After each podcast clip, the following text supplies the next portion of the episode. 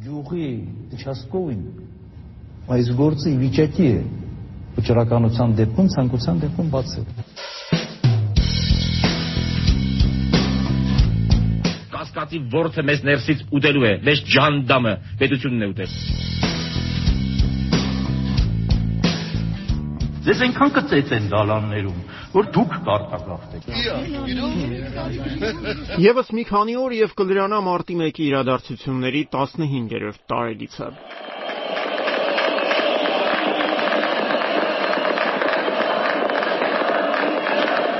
Ուղիղ 15 տարի առաջ Հայաստանում տեղի ունեցան դեպքեր, որոնք մեծապես կանխորոշեցին երկրի զարգացման հետագա ընթացքը։ Իրադարձություններ, որոնց նախորդել էին կեղծիքներով ուղեկցված նախագահական ընտրությունները եւ դրանց դեմ բողոքող 100 հազարավոր քաղաքացիների 10 օր շարունակվող ցույցերը։ Սարգսյան Սերժ Ազատի 862369 կամ Վավեր քվեաթերթիկների 52.82%-ը։ Ընտրություններում Սերժ Սարգսյանի հաղթանակի մասին Հայաստանի կենտրոնական ընտրական հանձնաժողովը հայտարարեց առանց ավելորդ հապաղման ընտրատեղամասերի փակումից մոտ 15 ժամ անց։ 2008-ի փետրվարի 20-ի կեսօրին Երևանում իրենց եզրակացությունը ներկայացրեցին նաև ընտրությունները դիտարկած եվրոպացի դիտորդները, որոնք այդ օրն ամենայն լրջությամբ պնդում էին, թե փետրվարի 19-ի ընտրությունները հիմնականում համապատասխանել են ԵԱՀԿ եւ Եվրոպայի խորհրդի պարտավորություններին եւ չափանիշներին։ The 19th February presidential election in the Republic of Armenia was administered mostly in line with OSCE and Council of Europe commitments and standards. Ամենատաօրինակը սակայն դա չէր։ Ամենատաօրինակն այն էր, որ եվրոպացիները մի կողմից ընտրությունները դրական էին գնահատում, մյուս կողմից խախտումների անverջ թվացող մի շարան ներկայացնում, պնդելով օրինակ, որ իրենց այցելած տեղամասերի 16%-ում քվեների հաշվարկի գործընթացը գնահատվել է վատ կամ շատ վատ։ Շարքային Հայաստանցուն սակայն ոչ եվրոպացի դիտորդները, ոչ էլ կենտրոնական ընտրական հանձնաժողովն էր, որ պետք է ասեին, թե ինչ է տեղի ունեցել 2008-ի փետրվարի 19-ին։ Մարդիկ հավատում էին իրենց տեսածին, իսկ այդ տեսածը եվրոպական չափանիշներին համապատասխան լինելուց շատ հեռու էր։ Դա էր հենց պատճառը, որ փետրվարի 20-ին ընդդիմության կազմակերպած առաջին հետընտրական հանրահավաքին տասնյակ հազարավոր մարդիկ մասնակցեցին։ Հանրահավաքի մասնակիցների առաջին շարքերը Մատենադարանի վերին հարթակում էին, վերջինները կինոնայրի մոտ։ Ոչ մի արտարոց բան տեղի չի ունեցել։ Հերթական անգամ տեղի են ունեցել նորմալ հայտարար ընտրություններ։ Այնուհետև Լևոն Տեր-Պետրոսյանը անդրադարձավ այն ընտրախախտումներին, որոնք նրա համոզմամբ տեղի են ունեցել 3 խոսքը հավելյալ տպագրված քվեաթերթիկների եւ ընտրողների մասնակցության թվի մասին է։ Ամենաանօրինական եւ ամենահանցագործ խնդիրը լուծեց կենտրոնական ընտրական հանձնաժողովը։ Ժամը 8-ին արդեն հրապարակելով, որ ընտրություններին մասնակցել է 1 միլիոն 640 հազար մարդ։ Հայաստանի ռեալ ընտրողների թիվը 1 միլիոն 700 հազար է։ Եվ ամենայն պատասխանատվությամբ հայտարարում ենք. Ընտրություններին իրականում մասնակցել է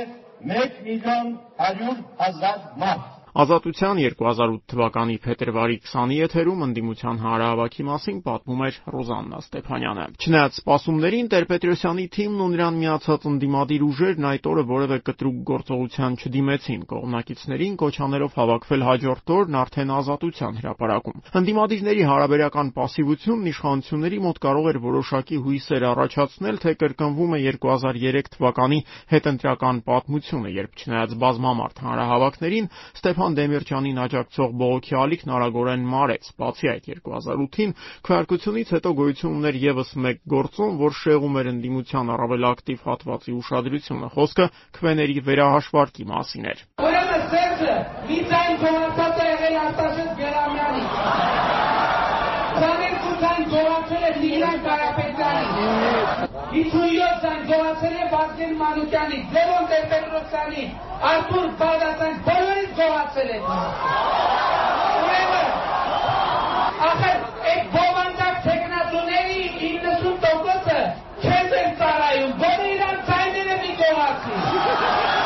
Երևանի կենտրոնում գտնվող այն տեղամասը, որի վերահաշվարկված արդյունքները փետրվարի 21-ի հանրահավաքի ժամանակ ներկայացնում էր Տեր-Պետրոսյանի շտաբի ամենաակտիվ անդամներից մեկը, հայկական ժամանակի խմբագիր Նիկոլ Փաշինյանը, եզակիներից էր, որտեղ ընդդիմությանը հաջողվել էր վերհանել քվեարկության իրական պատկերը։ Տասնյակ այլ տեղամասերում իրավիճակը միանգամայն այլ էր։ Փաշինյանի հիշատակած այդ իբր ընդդիմադիր տեխնացուները վերահաշվարկի դիմումներով ողողել էին այն տեղամասերը, որտեղ ընտրությունները կամ առանց կեղծիքների էին անցել, կամ էլ այդ կեղծիքների հետքերը խնամքով թաքցվել էին։ Պատճառը մեկն էր՝ ժամանակ շահել, որպեսզի վերահաշվարկի համար օրենքով սահմանված 5 օրերի ընթացքում Տեր-Պետրոսյանի շտաբերի մատնանշած իրոք խնդրահարույց տեղամասերին հերթ չհասնի։ Արամ Հարությունյանի բողոքի հիման վրա բացված տեղամասի պարկում որևէ խախտում չարձանագրվեց։ Ի դեպ ոչ Արամ Հարությունյանը, ոչ նրա ներկայացուցիչը իր կողմից պահանջված վերահաշվարկին ներկա չէին։ Թող բացեն, ես այնտեղ չլինեմ, թող բոլորը համոզված լինեն, որ ամեն ինչ նորմալ է։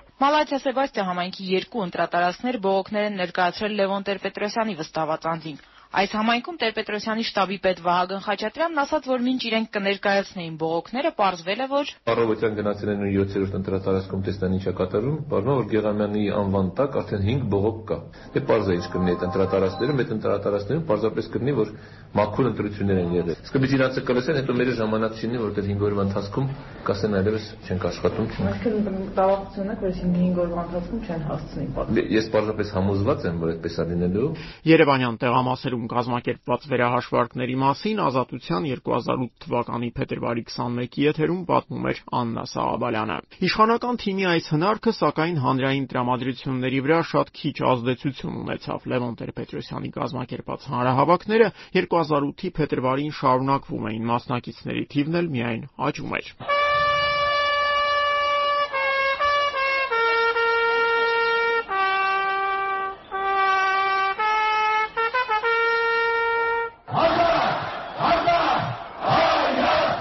Փետրվարի 21-ը դարձավ այն օրը, երբ Տեր-Պետրոսյանի թիմը բացահայտեց ընդդիմության հետ ընտրական մարտավարության հիմնական շտրիխներից մեկը, հայտարարելով, որ Ազատության հրապարակում անժամկետ նստացույց է մեկնարկում։ Ընդդիմադիրները նաև կոչ արեցին իրենց աջակիցներին գիշերել հրապարակում, այդտեղ ընդամենը մի քանի ժամվա ընթացքում ձևավորված վրանային ավանում։ Ազատության հրապարակը երեկվա հանրահավաքից հետո անճանաչելի էր դարձել։ Բարձրախոսներից հնչում էր բարեղանակ, իսկ հրապարակում մարդկանցից բացի հայտնվել են նաև մի քանի տասնյակ մեծ ու փոքր վրաններ։ Հրապարակում տեղ-տեղ խարույկներ էին վառել, իսկ որոշ տեղերում էլ փայտի վառարաններ էին դրված։ Որտեղից է։ Վարդենից Վարդենից, Վարդենից։ Իսկ քանի հոգով եք այս վրանում մնալու։ Այս վրանում Դուք ընտանիքով եք, հա։ Երբ որ 5 Աղջիկս եղբայրս,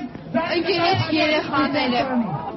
Երևանից եք, հա։ Մասիսից։ Մասիսից Քանի հոգով եք մնալու այս վրանի տակ։ Մոտորապես մի 30-40 հոգով։ Ինչքան եք պատրաստվում մնալու։ Ինչքան պետք է։ Չէ վերջ, միջև վերջ։ Ազատության 2008-ի փետրվարի 22-ի եթերում Ազատության հրապարակում ստեղծված վրանային ավանից հաղորդում էր Հովանես Շոյիկյանը։ Սա առաջին դեպքն էր հայաստանյան հետընտրական ակցիաների պատմության մեջ, երբ ընդդիմությունն իր կողմնակիցներին ոչ թե տուն էր ուղարկում, խոստանալով հաջորդ օրը կամ մի քանի օր հետո նոր հանրահավաք կազմակերպել, այլ դիրքավորվում էր մայրաքաղաքի ամենակենտրոնում բողոքի մշտական օջախ ստեղծելով։ Սա այն մարտավարությունն էր, որ դրանից մոտ 3 տարի առաջ Ուկրաինայում նարնջագույն հեղափոխության ժամանակ հաջողությամբ կիրառել էին Վիկտոր Յուշենկոյի կողմնակիցները։ Ոչ մի վարքյան չդադարող բազմամարդ հանրահավաքը գրեթե ինքնաբերաբար յուրատեսակ մագնիս էր դառնում դեպի իրեն ձգելով ոչ միայն նորանոր կողմնակիցների, այլև իշխանության ներսում արկա դժգոհ տարերին։ Քչերն էին սակայն պատկերացնում, որ 2008-ին առաջին ընդդիմության կողմը կփորձեն անցնել հայաստանյան ամենափակ համակարգերից մեկի՝ զինված ուժերի ներկայացուցիչները։ Մանվե, մանվե, մանվե Այն մասին, որ Պաշտպանության երկու փոխնախարարները գեներալ Մանվել Գրիգորյանն ու Գագիկ Մելքոնյանը հայտարարել են մեջբերում ժողովրդի վստահությանն արժանացած տեխնացուին աջակցելու մասին, Լևոն Տեր-Պետրոսյանը հայտնեց փետրվարի 21-ի երեկոյան, նշելով, որ երկու բարձրաստիճան զինվորականները հայտարարել են, թե թույլ չեն տա, որ բանակն օգտագործվի ժողովրդի դեմ։ Սա 2008-ի հետընտրական շարժման առաջին, բայց ոչ վերջին շրջադարձային զարգացումներից մեկն էր։ Զարգացում, որ կարող էր շատ հեռուն գնացող հետևանքներ ունենալ։ Բանն այն է, որ Մանվել Գրիգորյանը պաշտպանության փոխնախարար լինելուց բացի նաև երկրապահ կամավորականների միության նախագահն էր։ 6000 անդամ ունեցող այս կառույցը դեռ քարոզարշավի ընթացքում միանշանակորեն աջակցում էր առաջին նախագահին։ ԵԿՄ փոխնախագահ Մյասնիկ Մալխասյանն էլ գրեթե բոլոր հանրահավաքների ժամանակ Տեր-Պետրոսյանի կողքին էր։ Երկրապահների նման հստակ դիրքորոշումն իշխանություններին չէր կարող չվախեցնել։ Ռոբերտ Քոչարյանն ու Սերժ Սարգսյանը երկրապահների կարևորությունը շատ լավ էին հասկանում։ Ի վերջո այս ուժերն էին, որ 98-ի փետրվարին որոշիչ դերակատարություն ունեցան Լևոն Տեր-Պետրոսյանի իշխանությունից հեռացման ժամանակ։ Բնական է, որ այս ամենի ֆոնին պաշտպանության նախարարությունը պետք է կտրականապես հերքեր գեներալների ընդդիմության կողմն անցնելու մասին լուրերը։ Սեյրան Շահսուվարյան Պաշտոնապես արդեն հայտարարել եւ հերքել եմ այդ լուրը։ Կապված Մանվել Գրիգորյանի եւ Գուրգեն Մերկոնյանի հետ նրանց միացման վերաբերող այն լուրը, որ իբր միացել են Լևոն Տեր-Պետրոսյանին։ Մանվել Գրիգորյանի շուրջ զարգացումները չավարտված փետրվարի 22-ին մի նոր անսպասելի իրադարձություն տեղի ունեցավ։ Ազատության հրապարակի հարթակում հայտնվեց Հայաստանի դատախազական համակարգի առանցքային կերպարներից մեկը գլխավոր դատախազի տեղակալ նախկին զինդատախազ եւ հոկտեմբերի 27-ի քնչական խմբի նախկին ղեկավար Գագիկ Ջահանգիրյանը հայտարարելով Տեր-Պետրոսյանին միանալու մասին։ Ավելին, դիմելով Ազատության հրապարակում հավաքված տասնյակ հազարավոր մարդկանց, Ջահանգիրյանը պնդում էր, թե հոկտեմբերի 27-ի կազմակերպիչների գործով այսպես կոչված անջատված մասով քննությունը, որ կարճվել էր 2003-ին, հնարավոր կլինի վերսկսել միայն առաջին նախագահի հաղթանակի դեպքում։ Անջատված մասով ապուրինի քրեական գործի վարույթը կարճվեց եւ այդ անջատված մասով քննությունը արժևում է եւ ես ձեզ խոս տանում եմ եթե դուք օգնեք օգնեք ընտրված նախագահին, օգնեք ինձ, կհասցնեք ինչևէր։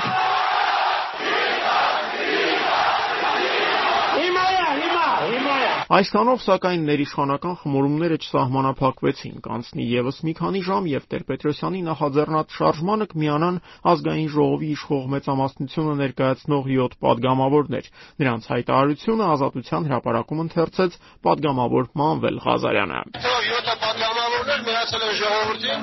Ես որպես երեսի ազերված հայտարարեցի, որ նրանք բոլորը ժողովրդի հետ են։ Սարյան Սեյրանը, Ստեփանյան Տիգրանը, Գրիգորյան Հերանը,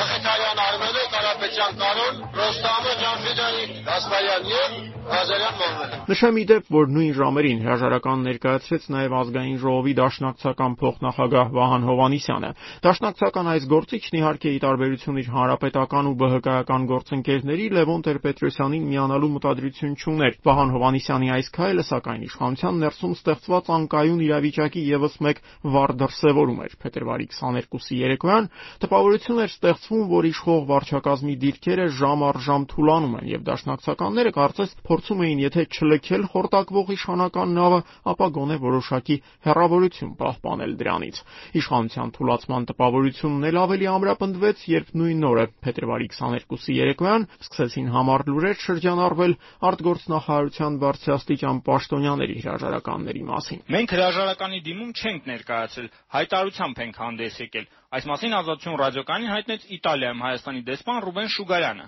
Սա հաստատեց նաև Ղազախստանում Հայաստանի դեսպան Լևոն Խաչատրյանը։ Մյուսների Հայաստանի փոխարտգործնախարար Արմեն Բայբուրցյանի եւ Ուկրաինայում Հայաստանի դեսպանատան դեսպանորդ Ռազմիկ Խումարյանի հետ մեզ չհաջողվեց կապ հաստատել։ Հիշեցնեմ, որ նշված դիվանագետների անունից Ազատության հրապարակում ընթերցվեց հետևյալ հայտարարությունը. Մենք ներքո ստորագրյալներս հավատարիմ մնալով հայ դիվանագետի կոչմանը Կարևորելով երկրում կայունության պահպանման եւ հասարակական համաձայնության անհրաժեշտությունը, մեր հայրենակիցներին եւ հատկապես երկրում հասարակական կարգի ու անդորրի ապահովման համար պատասխանատու բոլոր կառույցների ներկայացուցիչներին կոչ ենք անում զերծ մնալ ուժի միջոցով խնդիրներ լուծելու գայթակղությունից ասված է հայտարարության մեջ։ Այս հայտարարությանը անմիջապես հետևեց նախագահ Ռոբերտ Քոչարյանի հրամանագրերը Արմեն Բայբուրցյանին ազատելու Հայաստանի արտաքին գործերի նախարարի տեղակալի պաշտոնից, զրկելով արտակարգ եւ լիազոր դեսպանի դիվանագիտական աստիճանից, իսկ Լևոն Խաչատրյանին ազատել համապատասխանաբար Ղազախստանի Հանրապետությունում եւ Ռուբեն Շուգարյանին Իտալիայում Հայաստանի Հանրապետության արտակարգ եւ լիազոր դեսպանի պարտականություններից, զրկելով նրանց արտակարգ եւ լիազոր դեսպանի դիվանագիտական աստիճաններից։ Դիվանագետների հայտարարության մասին ազատության փետրվարի 22-ի եթերում պատմում էր Ռուբեն Մելոյանը։ Հաջորդ օրն այս հայտարարությանը միացան նաև արտգործնախարարության կենտրոնական ապարատի մոտ 1 տասնյակ աշխատակիցներ, այդ թվում գերատեսչության մամուլի քարտուղար Վլադիմիր Կարապետյանը։ Նրանք եւս ինչպես եւ իրենց ավագ գործընկերներ զինվորներն արագորեն պաշտոնանկ արվեցին եւ զրկվեցին դիվանագիտական աստիճաններից։ Արտգործնախարար Վարդան Օսկանյանն այդ օրերին նշում էր, թե հայտարարությամբ հանդես եկած դիվանագետները իրեն եւ նախագահ Քոչարյանին այլ ընտրություն չէին թողել։ Ոնց եք պատկերացնում, գիտեք, տեսփանը, որ նախագահային է ներկայացնում, իր կողմից է նշանակված, միանում է մի շարժման քաղաքական ուժի, որը համարում է անվանել է այս պետությունը ավազակապետություն։ Ընդվզող դիվանագետները սակայն իշխանությունների արչև այդ օրերին ծառացած ամենամանր խնդիրն էին։ Ներիշխանական ճգնաժամը սկսվել էր մի պահի, երբ Սերժ Սարգսյանի թիմն ամեն կերպ փորձում էր ձևացնել, թե ընտրություններն անցյալում են եւ երկրի բնականon կյանքը վերականգնված է։ Ռոբերտ Քոչարյանն էլ ընտրություններից հետո մեկնել էր Մոսկվա ԱՊՀ գագաթաժողովին մասնակցելու համար։ Փետրվարի 22-ի երեկոյան սակայն Քոչարյանն ընդհատեց ուղևորությունը եւ վերադարձավ Երևան։ Առաջինն ինչ արեց երկրի նախագահը զինված ուժերի հրամանատարության հետ հանդիպելն էր։ Ըստ նախագահի մամուլի գրասենյակի տարածած հաղորդագրությունների բարձրագույն հրամկազմի հետ խորհրդակցության ժամանակ նախագահը կոնկրետ հանձնարարականներ է տվել եւ մեջբերում եմ հաղորդագրությունից իշխանությունն ընտրվում է միայն օրինական ճանապարհով բռնությամբ զորբայությամբ իշխանության չեն գալիս եւ երբեք թույլ չի տա որ որևէ մեկը ստվերային դերակատարություն ունենա կամ որևէ մեկի կմահաճույքները ազդեն ներքաղաքական կայունության քաղաքական գործընթացների վրա։ Զինված ուժերի բարձրագույն հրամկազմը նշել է, որ անհրաժեշտության դեպքում կձեռնարկի երկրի սահմանադրական կարգի պահպանմանն ուղղված քայլեր եւ պատրաստ է լիարժեք կատարելու Գերագույն գլխավոր հրամանատարի բոլոր հրամանները։ Ազատության 2008 թվականի փետրվարի 23-ի եթերում Ռոբերտ Քոչարյանի եւ բանակային հրամանատարության հանդիպման մասին պատմում էր Ռուզան Խաչատրյանը։ Տարիներ անց ինքը երկրորդ նախագահը կպատմի, որ այս խորհրդակցությանը, որին ի դեպ Մանվել Գրիգորյանը չէր մասնակցում, Արցակուրտում գտնվել գտնվելու պատճառով ինքը հրամայել էր երկրապահ գեներալին փոխանցել, որ նա գնա տուն եւ այնտեղ սպասի իր ճակատագրի վերաբերյալ վերջնական որոշմանը։ Ընդդիմադիր մի շարք գործիչների դեպ, մասնավորաբար Հանրապետություն կուսակցության առաջնորդ Արամ Սարգսյանը այդ օրերին վստահ էին, չնայած ճնշումներին, երկրապահներն ու անձամբ Մանվել Գրիգորյանը չեն նահանջի։ Մի բան էլ վստահ եմ, Մանվել Գրիգորյանը եթե ասել է, ուրեմն ինքը իր ասացից երբեք չի հրաժարվի։ Սրանում հաստատ համոզված եմ։ Նման լավատեսությունը սակայն պարզվեց անհիմն է։ Պաշտպանության նախարարությունում կայացած խորհրդակցությունից մի քանի ժամ անց արդեն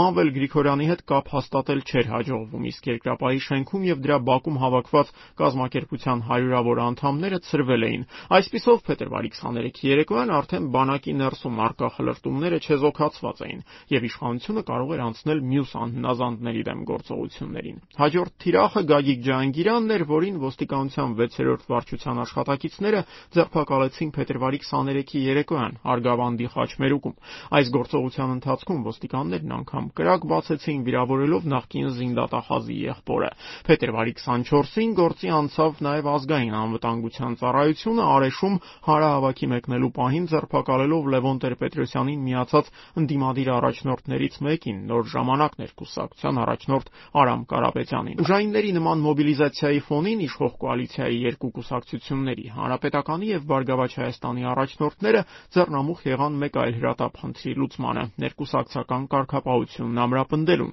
Փետրվարի 23-ին գրեթե ողջ օրը Սերժ Սարգսյանն ու Գագիկ Ծառուկյանը փակ դռների հետևում ներքաղաքական իրավիճակը քննարկում էին խորհրդարանական խմբակցությունների անդամների հետ։ Ժամեր տևած այս քննարկումներից հետո կուսակցական առաջնորդներն իրենց ենթակա օրենսդիրներին ըստ էության ստիպեցին հատ առ հատ մոտենալ եւ ստորագրել մի հայտարարության տակ, որով Հանրապետական կուսակցությունն ու Բարգավաճ Հայաստանը վերահաստատում էին փետրվարի 19-ի ընտրությունների արդյունքները եւ դատապարտում էին Ազատության հրապարակում ընթացող հանրահավաքը։ Ամենաաննախանձելի վիճակում իհարկե այն 7 падգամավորներն էին, որոնք դրանից ընդամենը 24 ժամ առաջ տրամագծորեն հակառակ հայտարարությամբ էին հանդես եկել, աջակցություն հայտնելով Ազատության հրապարակում հավաքված մարդկանց մարդկանց։ Այս պատգամավորների մեծ մասին ստիպեցին ոչ միայն Սերժ Սարգսյանին աջակցող հայտարարության տակ ստորագրել, այլև երկու օր անց՝ փետրվարի 25-ին գնալ Ազգային ժողով և իշխանությանը տրված հավատարմության երդումը կրկնել ևս մեկ անգամ, արդեն բանավոր։ Իմացա, որ Լևոնը և Միասնիկը հայտարարել են իբր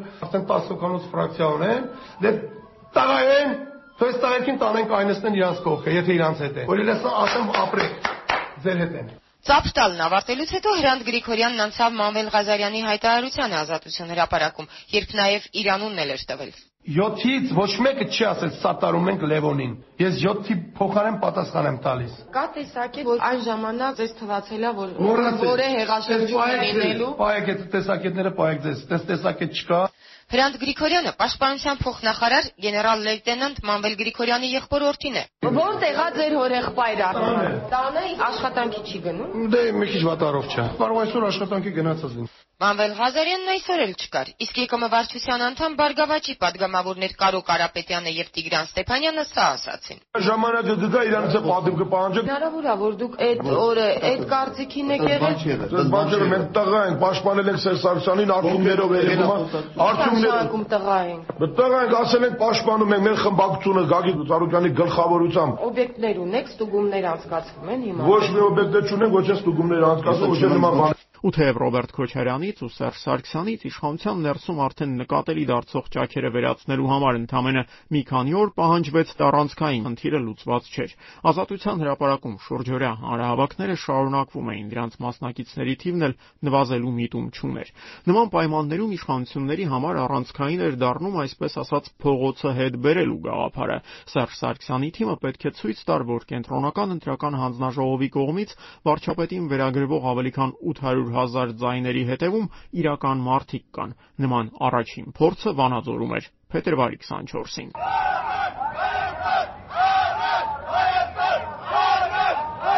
Երթի առաջին շարքում պաստառում էին հետևյալ բովանդակությամբ ոչ Լևոնին, ոչ պանթուրքիզմին, ոչ մասոնիզմին, ոչ սիոնիզմին։ Վանաձորի թիվ 8 դպրոցի ուսուցչուհի Ասիա Զալյանը դիմեց Սերժ Սարգսյանին։ Մենք դեպի լույս ենք տանելու մեր ծերունդներին, իսկ այդ լույսը տեսնում ենք միայն ձեր կողքին։ Մարգահովիտ գյուղի ներկայացուցիչն ասաց, որ Երևանյան հանրահավաքների միջոցով ընդդիմությունն անկայուն մթնոլորտ է ստեղծում երկրում։ Իրեմս նախագահ Սերժ Սարգսյանի, որը լինելով Նժդեհյան ցեղակրոն եւ հայամետ գաղափարների կրողը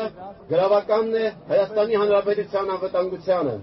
Ժամանակ առ ժամանակ առաջ Հայաստան կոչերին արձագանքում էին միայն բեմահարթակին մոտ կանգնած մի խումբ երիտասարդ հանրապետականներ։ Կուսակցության մամլո խոսնակ Էդուարդ Շարմազանովն ասաց. Դուք այսօր կազմակերպիչի թե հրավիրալի դերում եք։ Ես այսօր լորեցու դերում եի։ Սերժ Սարգսյանի կողմնակիցների Վանաձորյան հանրահավաքի մասին Ազատության 2008-ի փետրվարի 24-ի եթերում պատմում էր Կարինե Սիմոնյանը։ Սերժ Սարգսյանին աջակցություն հայտնելու եւս մեկ նույնքան տարօրինակ փորձը հաջորդ օրն էր Գյումրիում։ Մենք տեր ենք տանելու մեր ձայներին առաջ Աստված, առաջ Հայաստան։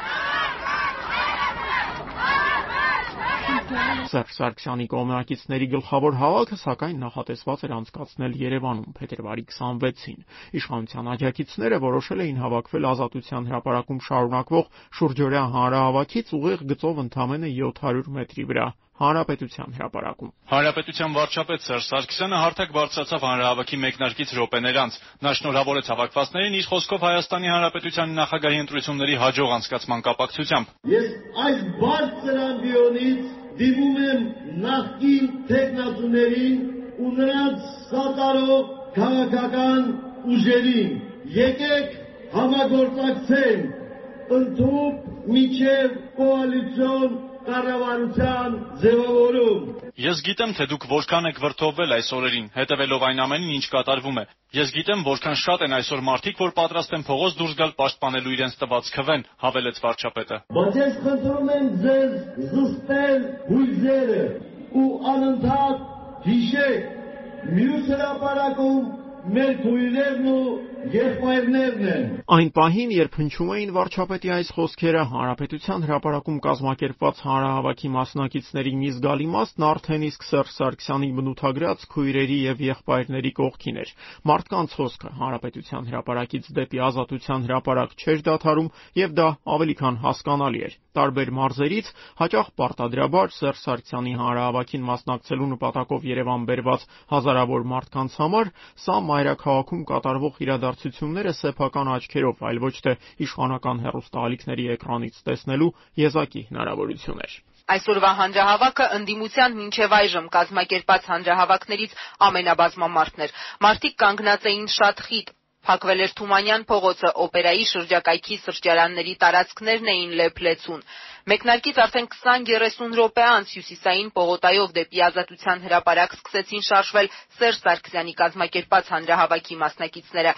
առաջ Հայաստան դրոշակներով։ Նրանցից մի քանիսը մինչև հարթակ մոտեցան եւ փայտին կապած դրոշները հանձնեցին Տեր-Պետրոսյանին։ Ահա հանրապետության հրապարակի գերիալներից մեկը նրանցից մեկին տեսնելով վեմի մոտ հայտարարեց առաջին նախագահը։ Երկարքոսները ազատ կամքով գալիս են դեպի ազատություն։ Ազատ, ազատ, Հայաստան, ազատ, ազատ, Հայաստան։ Այնուհետև նվագեց Քոչարին։ Առաջին նախագահը Սասուն Միքայելյանի հետ սկսեց ապարել, թափահարելով սպիտակ թաշկինակը։ Պարի շրջանը նա էր առաջ տանում։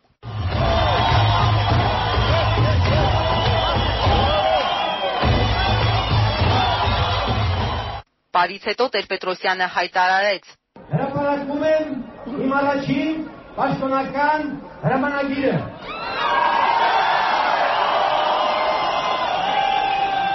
Սերժ Սարգսյանին ես պարգևատրում եմ մարտական խաչ չանշանով, որովհետև նրա շնորհիվ, նրա կազմակերպած հանրավակի շնորհիվ ազատության հրապարակի հանրավակը կրկնապատկվեց։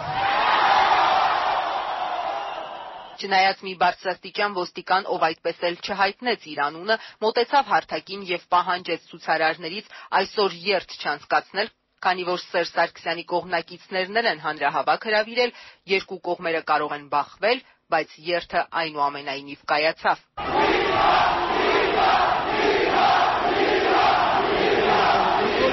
Ազատության 2008 թվականի փետրվարի 26-ի եթերում հնդիմության հանրահավաքի մասին պատմում էր Աստղիկ Բեդևյանը։ 2008-ի փետրվարին անգամ իշխանամետ թերթերն էին փորձում հասկանալ, թե այդում ճակերտավոր հանճարեղ միտքն էր իշխանության աջակիցների հանրահավաք կազմակերպել։ Ասք թերթի խմբագիրը նկատելով, որ ավելի վատ խորհուրդ քան նախորդ օրը հանրապետության հրապարակում հանրահավաք կազմակերպելը երևի ոչ ոք չէր տվել Սերժ Սարգսյանին, պատկերել է. ուժի ցուցադրությանը միտված հանրահավաքն ավելի ուժ տվեց նոր շնչառություն Լևոն Տեր-Պետրոսյանի կողմնակիցներին։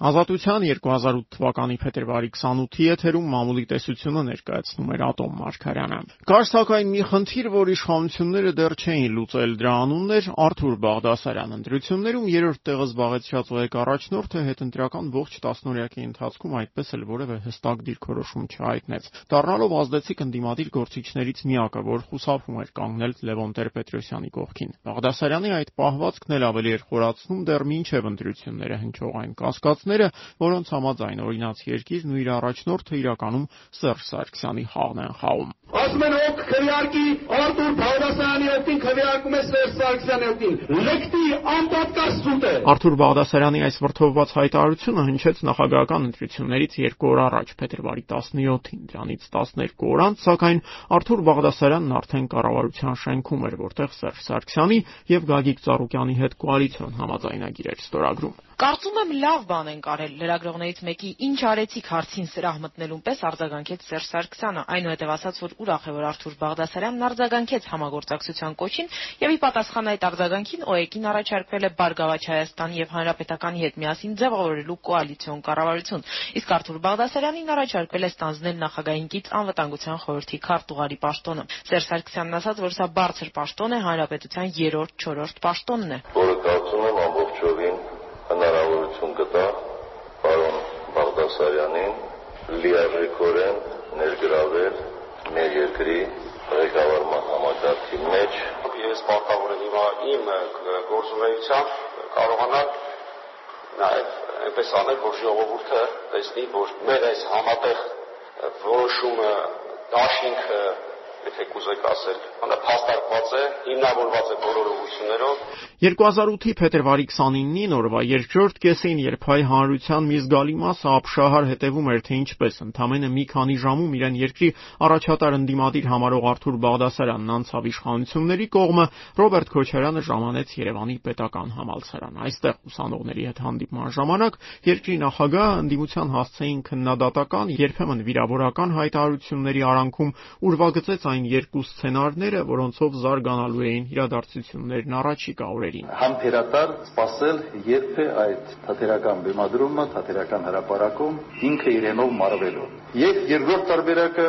ոստիկանական գործողություններ կիրառելով մաքրել այդ հրապարակը եւ այդ նաեւ ժողովրդին հնարավորություն տալ ավելի հանգիստ կյանքով ապրել։ Փետրվարի 29-ին այն նույն ժամերին, երբ Արթուր Բաղդասարյանն անցնում էր իշխանության կողմ, իսկ Ռոբերտ Քոչարյանը հերթական սպառնալիքներն էր հնչեցնում, Լևոն Տեր-Պետրոսյանի շտաբը նախագահական ընտրությունների արդյունքներն անվավեր ճանաչելու հայցով դիմեց Սահմանադրական դատարան։ Հայցի քննությունը պետք է մեկնարկեր մարտի 4-ին, թեև Հայաստանի Սահմանադրական դատարանը հանրության մի զգալի հատվածի աչքում մշտապես որպես իշխանությունների կամակատար կառույց էր ընկալվում, այն կարող էր Քոչարյանին եւ Սերժ Սարգսյանին տհաճ անակնկալներ մատուցել։ Մի անգամ 2003-ի նախագահական ընտրություններից հետո Սահմանադրական դատարանն արդեն իսկ վստահության հանրակրվեի մասին վճիռ էր կայացրել եւ հայտնի չէր, թե ինչ կլինի այս անգամ բողոքի ցույցերի շատ ավելի հուժկու ալիքի ֆոնին։ Բացի այդ իշխանությունները հազիվ թե մոռանային այն հանգամանքը, որ Սահմանադրական դատարանի այդ պահին պաշտոնավարող 9 դատավորներից 6-ը նշանակվել էին դեռ 90-ականներին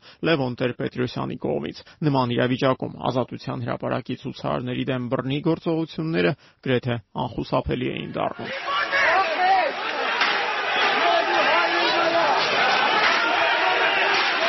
Հազարավոր ոստիկաններ Ազատության հրապարակի վրանային ավանի ոչնչացումը սկսեցին 2008-ի մարտի 1-ի առավոտյան 6:30-ի սահմաններում։ Գործողության մեկնարկից մոտ մեկ ժամ անց հրապարակում միայն հազարավոր ոստիկաններ էին մնացել եւ ընդամենը մեկ ցուցարար՝ Լևոն Տեր-Պետրոսյանը։ Առաջին նախագահի հետ մարտի 1-ի առավոտյան Ազատության հրապարակում կարողացել էր զրուցել Ռուզան Խաչատրյանը։ Շարք կազմեցին, կանգնեցին ժողովրդի առջև։ Ես կոչ արեցի, որ ոչ մի կոնտակտ ոստիկանության հետ զսպվածություն, հանգիստ, տեսնենք ինչ են ուզում բայց ոչ ոք մեզ ոչինչ չասեց, ոչինչ չբանակցեց։ ու մի անգամից սկսեցին հարցակվել ժողովրդի վրա մահակներով, էլեկտրաշոկերով։ Իսկ ինձ հարցակեց ինձ առաջի ամենաառաջին պահին Ռոբերտ Քոչարյանի ապահովության, չգիտեմ ինչ է կոչվում, գնդի։ Պետական պահպանության ծառայություն։ Այո, դուք իզիս լավ գիտեք դրա, հրամանատար Գրիգոր Գրիշա Սարգսյանը աստորերին թևեր օրորելով ձերբակալեց, բերեց այստեղ։ Հիմա ես ձերբակալված եմ։ Հիմա ինձ հրավիրում են դուրս։ Ես ասացի չեմ գնա այստեղից, մինչև ձեռնակապեր չգցեն ինձ։ Դրանից քիչ անց առաջին նախագահին բռնի ուժով տեղափոխեցին Ծիծեռնակաբերդի խճուղիում գտնվող իր տուն, իսկ Երևանի փոքր կենտրոնում Ազատության հրապարակից ծրված ցուցարարների ոստիկանական որսը դեռ շարունակվում էր։ Ազատության հրապարակում ծեծված մի քանի տասնյակ մարդ այսօր առավոտյան ժամը 11-ին հավաքվել էր Միասնիկյանի հարցանին հարող պուրակում, փորձելով խուսափել ոստիկանական զորքերի հետապնդումներից։ Սակայն քիչ անց ժամանեցին ոստիկանության զորքերը մահակներով զինված։ Սա նկատելով պուրակում հավաքված մարդիկ շտապեցին պատասպարվել ֆրանսիական դեսպանատան մոտ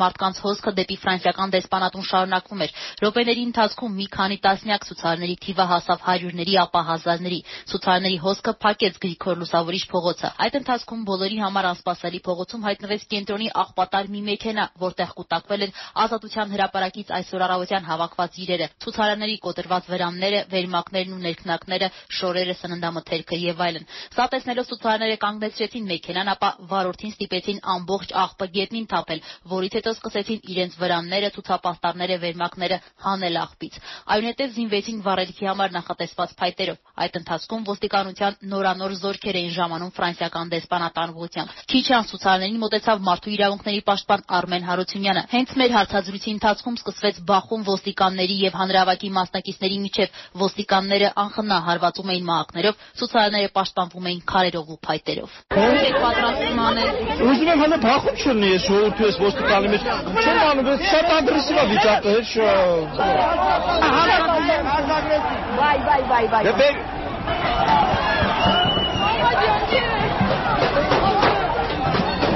Մարտի 1-ի կեսօրին Միասնիկյան արձանի մոտ աշխատում էր Ռուզաննա Ստեփանյանը։ Տասնյակ վիրավորների, բազմաթիվ բերման ենթարկվածների, ոստիկանական շարունակվող բռնությունների ֆոնին մարդկանց թիվը Միասնիկյանի արձանի մոտ շարունակում էր աճել։ Սկզբում այն ոստիկանների թվին գերազանցում էր մի քանի, կեսօրից հետո արդեն մի քանի տասնյակ անգամ։ Ոստիկանության բարձրաստիճան սպաները Տեր-Պետրոսյանի շտաբի անդամներին Լևոն Զուրաբյանին եւ Դավիթ Շահնազարյանին մի պահ փորձեցին համոզել ցույցը հեռացնել ֆրանսիական դեսպանատանը հարող տարածքից, նրանց առաջարկելով հանրահավաքը շարունակել Մատենադարանի մոտ։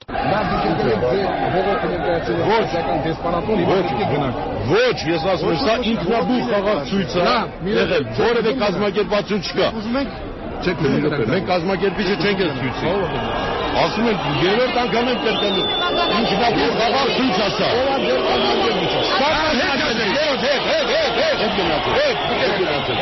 Հետ եկեք տղեկ, հետ։ Ոստիկանների այս առաջարկը սակայն մերժվեց, քանի որ Գրիգոր Լուսավորիչ փողոցի եւ Մաշտոցի պողոտայի երկայնքով ձգված մի քանի կիլոմետրանոց երթը հեշտությամբ կարող էր եւս մեկ ոստիկանական հարձակման կամ սադրիչների թիրախ դառնալ։ Սադրիչների ներկայությունն ի դեպ ժամ առ ժամ ավելի նկատելի էր դառնում այս առումով ամենավառ դրվագն իհարկե ընդդիմադիր падգամավոր Արմեն Մարտիրոսյանի դանակահարությունն էր։ Բոլորը վազեցին դա որ ցույց տանք այդ պրովոկատորները բանանին հարվածել ոստիկաններին փոգնդապետ էր ուսադիրներից տենց հիշում էլի որ հարվածում են ես միանգամից պարտեցի իա վրա ծնեց որ իա գլուխը եւ մեջը ապահով բնել անկարտակի վնասվածքներ չստանար մեծ բան մեկ էլ ցնեց ցակոցը զգացի կեսօրից հետո միասնիկ Միասնիկյան արձանի մոտ հավաքված մարդկանց պահանջը մեկն էր՝ թույլ տալ Լևոն Տեր-Պետրոսյանին միանալ ցույցին։ Առաջին նախագահը շարունակում էր մնալ տանը ու թեև իշխանությունները պնդում էին, որ նրա տնային կալանքի տակ լինելու պնդումներն անհիմն են, քանի որ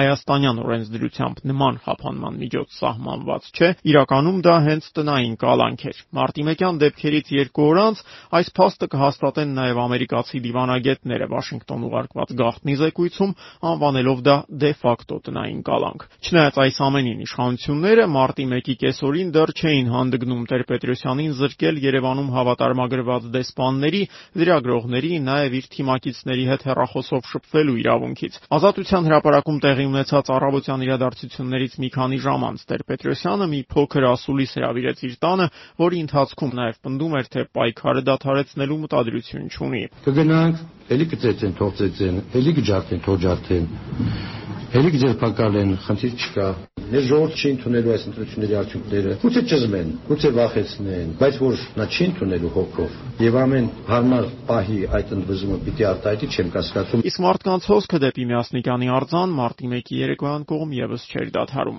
Ժամը 16:30-ի սահմաններում Ալեքսանդր Միասնիկյանի արձանի պատվանդանին հարող հարթակից ազգային ժողովի падգամավոր Խաչատուր Սուքիասյանը մեգաֆոնով ժողովրդին հանդարտության կոչ արեց։ Ոչ մի ավելորդ քայլ չի կարելի։ Մենք դրանով ավելի ենք վնասում մեր գորը գործը։ Մոտավորապես 20 րոպե անց սկսվեց հանրահավաքը։ Լևոն Տեր-Պետրոսյանի նախընտրական շտաբի անդամ Նիկոլ Փաշինյանը հանրությանը փոխանցեց, որ առաջին նախագահը վերլուծելով իրավիճակը որոշել է, որ ժողովուրդը պետք է մնա Ալեքսանդր Միասնիկյանի արձանին կից հրապարակում։ Եվ հասկացա, որ սա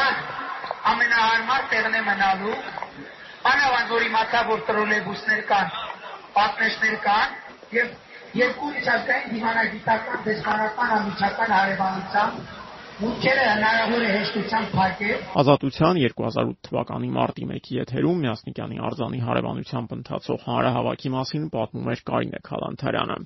Իրականում սակայն այդ ոստիկանությունն ու մյուս ուժային կառույցներն էին, որ հեռանալով հանրահավաքի վայրից աստիճանաբար սկսեցին սեղմել օղակը, փակելով դեպի ֆրանսիական դեսպանատուն տանող բոլոր փողոցները։ Ցուցարարների դեմ նոր հարձակումը ձեռնարկվեց մութն ընկնելուն պես Գրիգոր Լուսավորիչ փողոցի կողմից։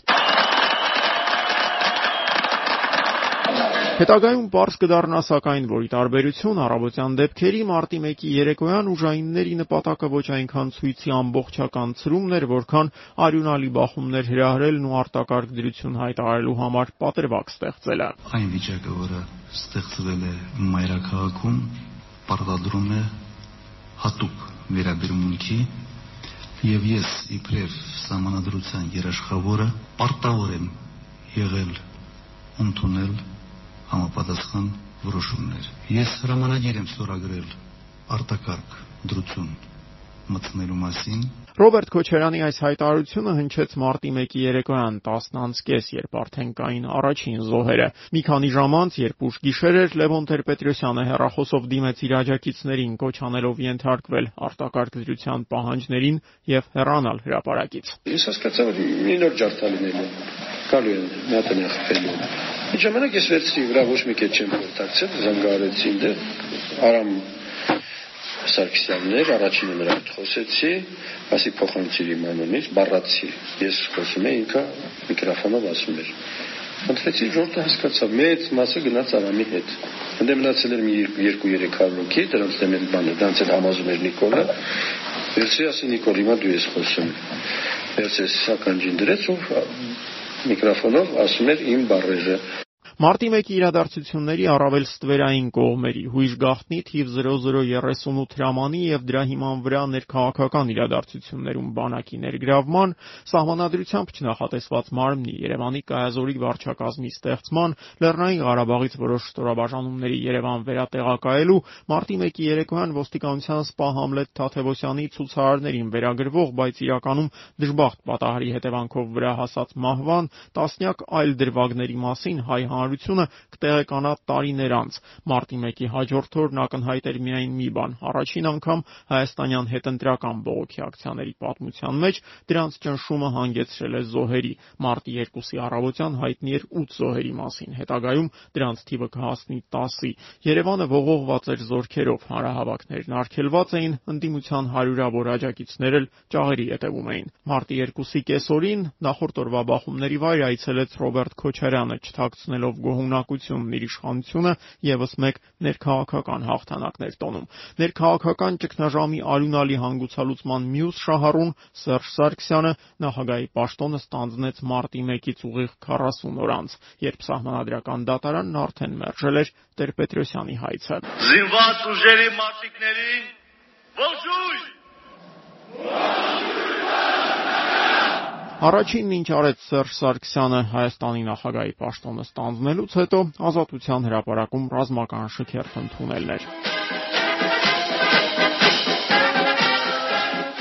88-ից ի վեր հայաստանյան քաղաքական կյանքի առանցքային կետը հանդիսացող այս հրապարակը 2008-ի ապրիլին վերածվել էր պլացի, որտեղ շարային քայլով անցնում էին իշխանություններին հավատարիմ բանակային ստորաբաժանումները։ Հաջորդ անգամ ընդդիմությունն այստեղ հարահավաք անցկացնելու հնարավորություն կստանա միայն 3 տարի հետո, 2011-ի գարնանը։